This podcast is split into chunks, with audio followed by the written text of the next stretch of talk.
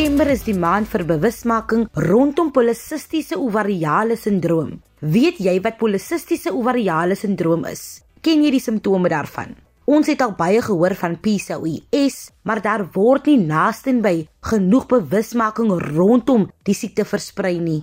Dit is hoekom een van ons gaste vanaand, Marlie September, 'n neonatale verpleegster, ons later 'n bietjie meer van PCOS gaan vertel as ook oor haar eie siekte endometriose. Geestesgesondheid, veral depressie onder mans, is ook nie iets waar rondom daar genoeg bewusmaking is nie. Iwer Swarts, 'n motiveringsspreker en televisieaanbieder, kom werp 'n bietjie lig op die onderwerp en ons gesels ook bietjie oor sy boek Kies die lewe. Dis nou eers later vanaand, maar soos julle kan hoor, pak ons vanaand gewigtige, tog belangrike onderwerpe aan hier in Kompas. Hallo en welkom by jou Vrydag aan Kompas kuier saam met my Christlyn Cias.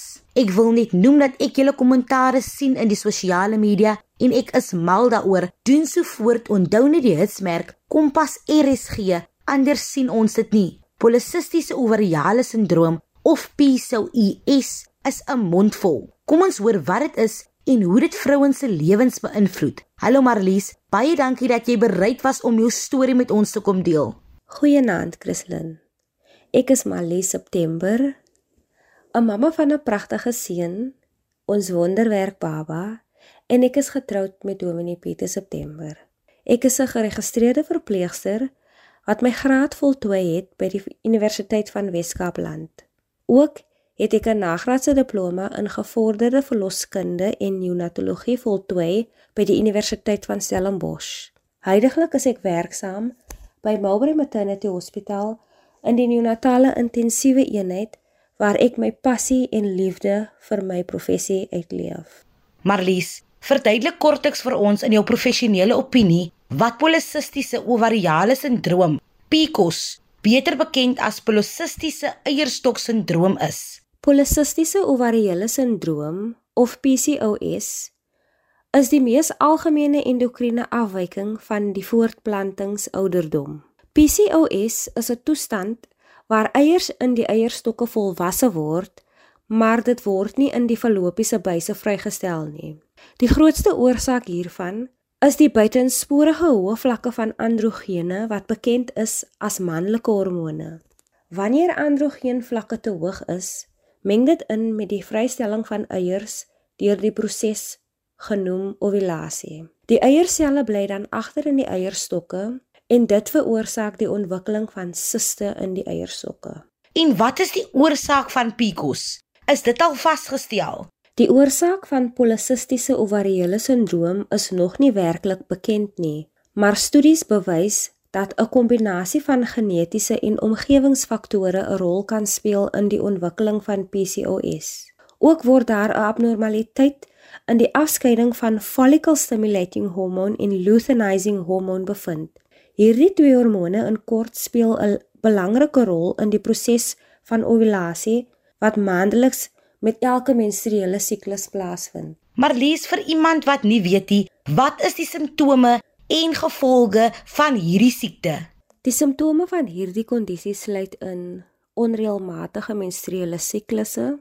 Dit beteken eerder 'n lang of 'n baie kort menstruele siklus. Amenorrhea wat beteken die afwesigheid van mens van 'n menstruele siklus, gewigstoename, ook tekens van hiperandrogenisme. Dit beteken abnormale hoë vlakke van manlike hormone wat dan manifesteer deur hare op die gesig en liggaam, akne as ook alopecia en dan ook polisistiese eierstokke wat op ultraklank of sonar bevestig word wanneer 'n dame gediagnoseer word. Die gevolge van PCOS lê dan in vetsug, onvrugbaarheid wat die grootste uitdaging is, diabetes, kardiovaskulêre siektes, soos hipertensie bekend as meer bekend as hoë bloeddruk as ook hoë cholesterol vlakke en dit kan dan ook lei tot depressie, slaapapnee en ook endometriële kanker. Marlies, jy is nou wel nie met PCOS gediagnoseer nie,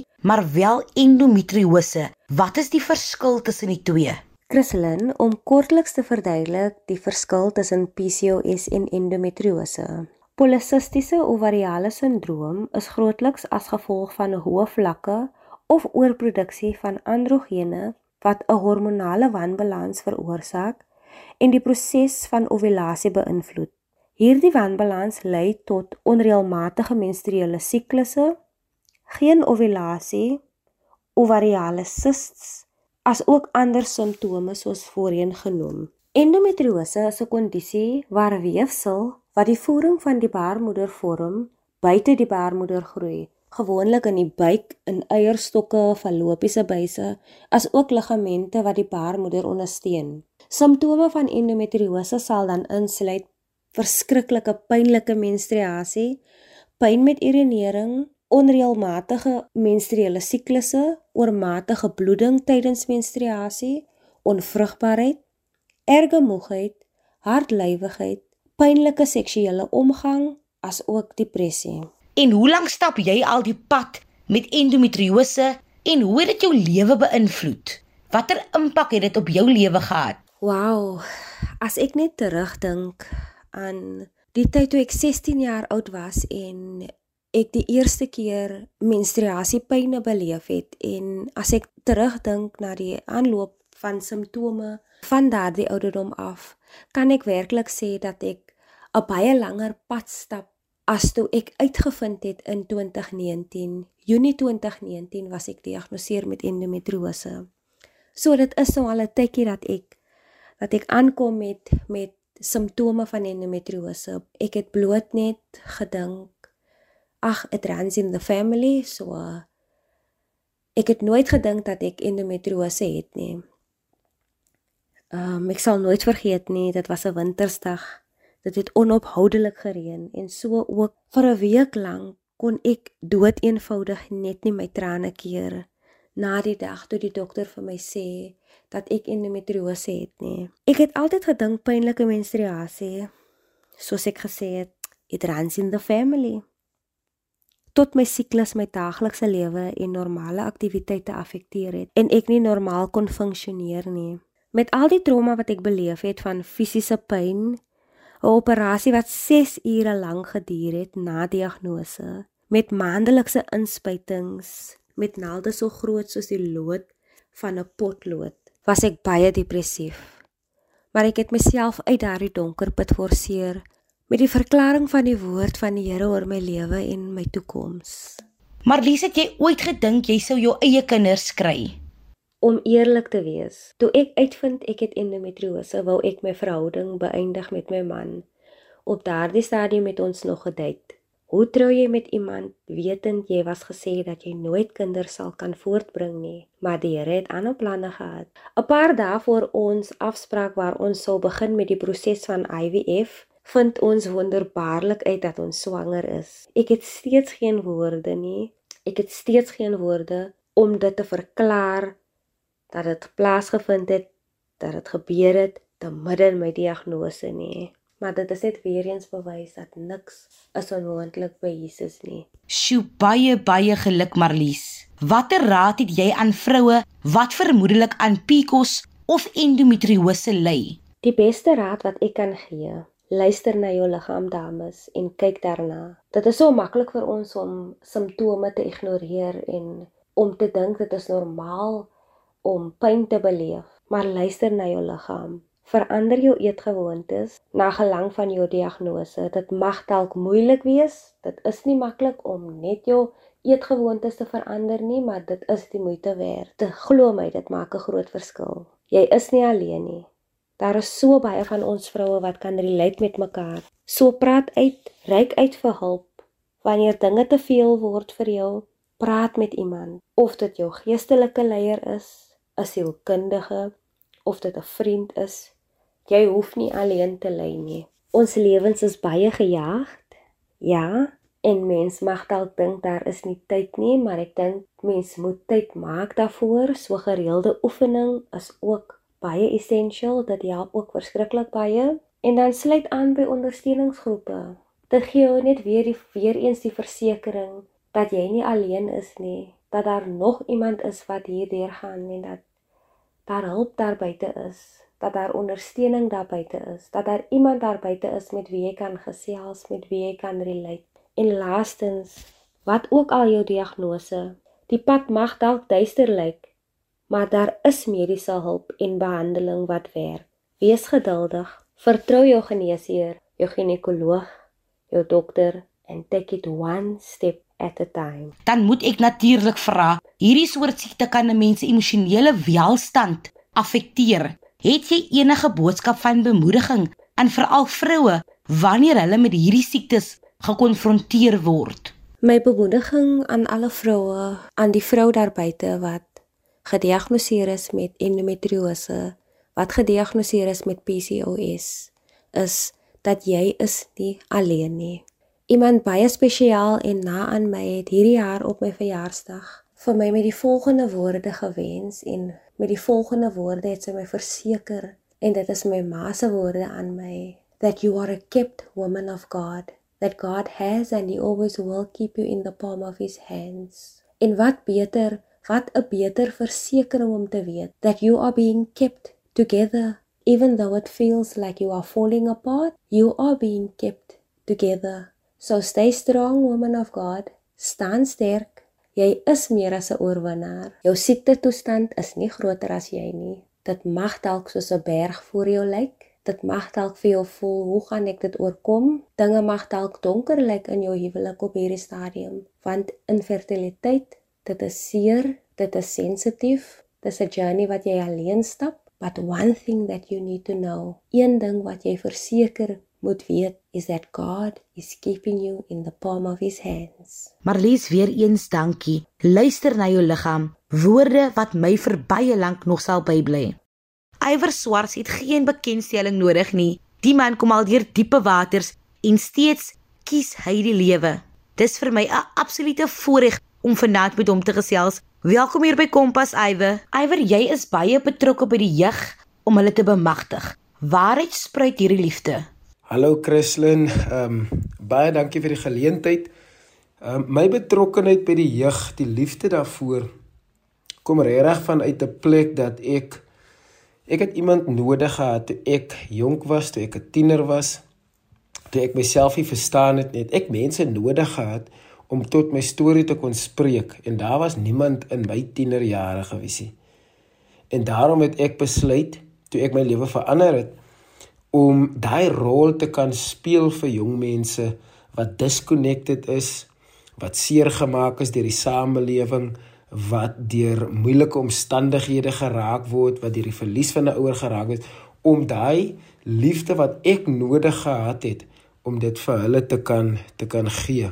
En daarom bly dit 'n voorreg om om om om met die jeug te kan werk in ons land. Kyk, jy self moes baie struikelblokke oorkom. Vertel ons kortliks daaroor.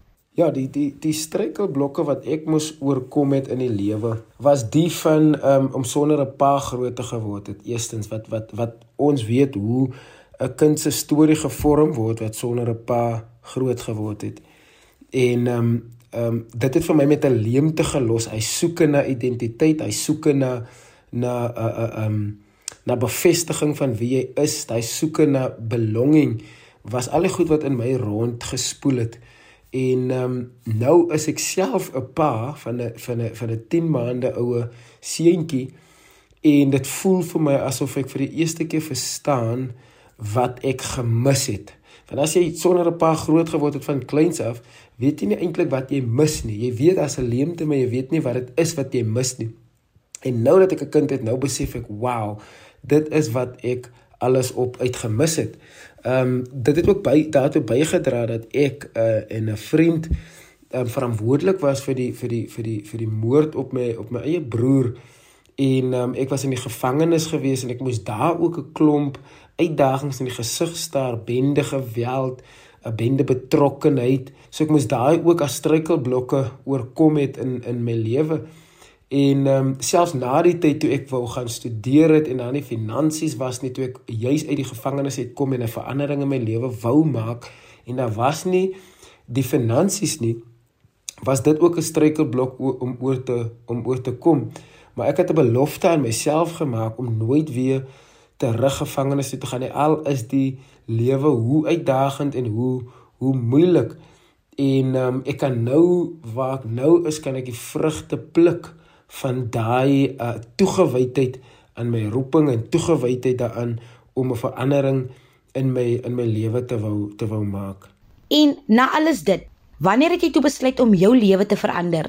Ek het besluit om my lewe te verander op twee uh defining moments in my lewe. Die eerste een was toe ek in Brandvlei gevangenis was 2005 toe ontvang ek en my jonger broer die nuus dat ons ma oorlede is. En dit was 'n defining moment want sy was eintlik al wat ons toe gehad het op daai stadium nog.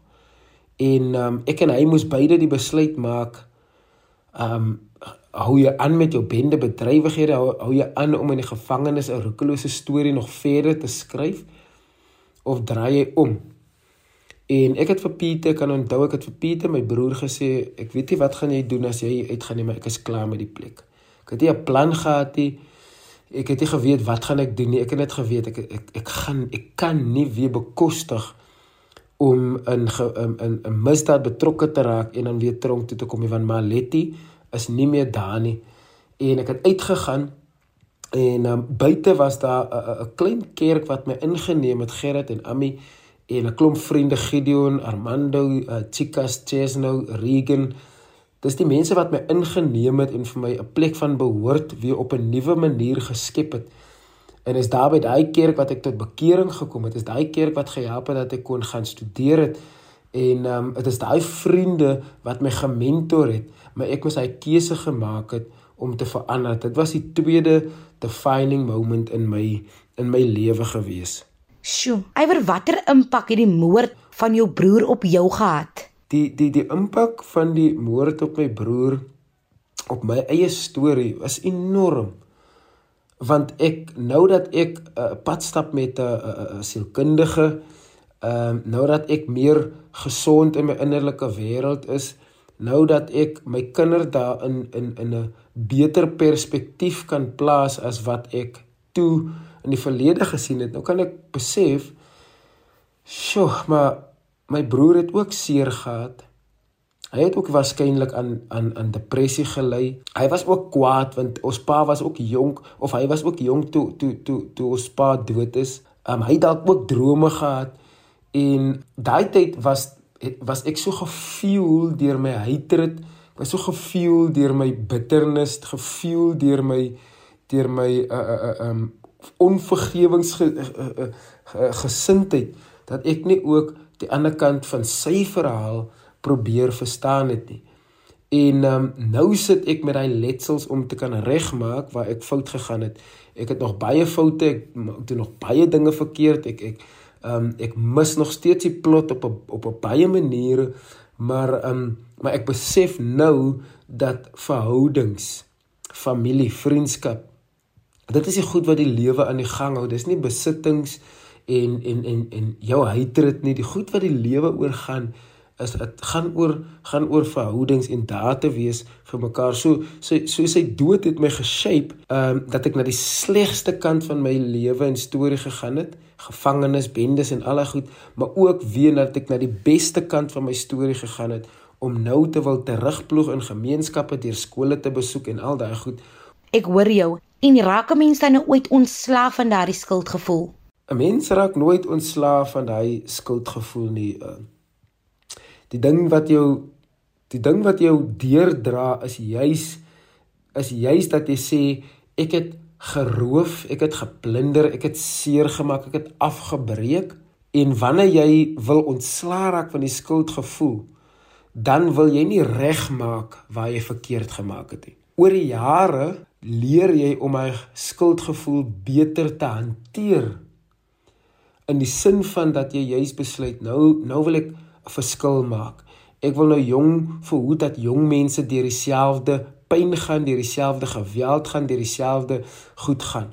Was dit na jou broer se dood wat jy besef het jy ly aan depressie of wanneer het jy besef jy ly aan depressie? Toe ek besef het ek ly aan depressie, was dit juis in die gevangenis gewees. Daar was 'n vriend van my. Hy het uh, sulke slaappille gekry want hy het gesukkel met insomnia en ek het gereeld hy pille by hom gekoop en en en vir vir een of ander onverklaarbare rede het ek net soms swaar, moeg, donker, seer, wild gevoel. En dan het ek by Pesca sy pille gevat en ek het daai pille gedrink en net probeer slaap tot die gevoel van donkerte of van swaar net weggaan. Dis eers jare later eintlik toe ek begin swat het wat ek die taal van depressie, die simptome van depressie wat ek verstaan het, maar ek kan ek kan baie lank terug in my in my in my tronklewe onthou hoe daar net 'n onverklaarbare donker wolk soms oor my oor my gehang het en en en ek was irritable. Um ek wou nie lewe nie. Um en nou eers besef ek dat mens mense 'n naam vir dit en dit is en dit is depressie. Jy het onlangs 'n boek vrygestel, Kies die lewe. Waaroor gaan hierdie boek en hoekom juist die titel? Die die die boek Kies die lewe wat ek wat ek onlangs vrygestel het, kom juist vanuit daai plek uit dat mense wat my ken, mense wat my vir die eerste keer sien, mense wat met my te doen het in 'n in 'n in 'n social uh, setting by 'n partytjie of so, Mense sal nooit depressie op my gesig raak lees nie, omdat ek 'n sprankelende sprankelende persoonlikheid het. Ek is 'n ekstrovert, ek hou van sokker, ek hou van bier, ek hou van vriende, ek hou van kuier. Ek is 'n predikant, ek hou van voor mense gesels, ek hou van mense insluit. En dit is nie altyd 'n persoonlikheid wat jy koppel aan aan aan aan depressie nie. En so ek wou die boek skryf, kies die lewe juis om vir mense te sê die gesig van depressie lyk heel waarskynlik anderste as wat jy gedink het dit is dat dit raak almal boemelaars, profetmakers, priesters, profete, sakemanne, 'n brein wit swart depressie kan enige persoon kan enige persoon raak. En die titel kies die lewe gaan juist daaroor wat wanneer jy in jou depressiewe episodes insit en die donker die die swart hond sak jou toe ek noem dit as 'n bewerasie op my brein um moet jy bewus wees van wat is die goed wat jou aan die lewe hou Depressie is nie iets waaroor mans veral praat nie. Hoekom dink jy dis belangrik om hierdie gesprekke te voer? Mans is juis geneig om nie te praat oor depressie nie en dan wys die statistieke wêreldwyd vir ons meer vroue erken ehm um, ehm um, dat hulle aan depressie ly of dat hulle depressie veg. Ek ek ek hou daarvan om dit te noem ek is 'n depressie vegter eerder as 'n depressie leier. Ehm um, meer vroue erken dat hulle depressie veg maar meer mans uh pleeg selfmoord want dit is daar's daai ding in ons kultuur cowboys don't cry daar's daai ding in ons kultuur 'n man moet sy man kan staan daar's daai ding in ons kultuur groot seun huil net in die reën en terwyl ons mans binne toe huil breek ons buitekant ons verhoudings af. Elke man wat elke keer binne toe huil doen skade aan die mense wat die naaste aan hom is en dit is gewoonlik hulle kinders Dis gewoonlik hulle vrou, dis gewoonlik hulle meisies wat die seerste seer beleef omdat mans nie praat nie, omdat mans nie wil swak oorkom nie. En daarom wil ek my platform gebruik om vir mans te sê Ons wil hê jy moet jou depressie aan die groot klok hang en vir die hele wêreld dit sê nie, maar jy moet 'n gesonde, veilige spasie kan hê waar jy met ander mans kan connect en sê dit is my struggles. Kom ons help mekaar deur die struggles. Ek het so 'n droom om juis 'n podcast te begin. Um, ek het nou al so 'n bietjie geskaaf aan hom. Die podcast se naam is bloot net Let Men Talk. En ek wil hê uh, uh, ek wil mans 'n uh, uh, interview en en met hulle stryd met depressie oopmaak sodat ander mans die vrymoedigheid kan kry om ook oor hulle stryd met depressie te kan praat. Albei Marlies en Eywe het die volgende genoem en ek noem dit net weer. Jy is nie alleen nie. Ryk uit na iemand indien jy hulp mekeer. Daar is ondersteuningsgroepe. Daar is iemand wat in dieselfde boot sit as jy. Daar is iemand wat bereid is om jou te dra. Maar jy sal nooit weet indien jy stil bly nie. Fluit fluit. Christlyn se storie is amper uit. Indien jy enige van ons programme gemis het of net weer daarna wil luister, kan jy dit altyd aflaai op www.rsg.co.za. Gaan net na die potgooi skakel en klik onder K vir Kompas. Kompas word aan jou gebring deur SABC Opvoedkunde van my Christlyn en die span hier by Kompas. 'n Lekker en veilige naweek verder.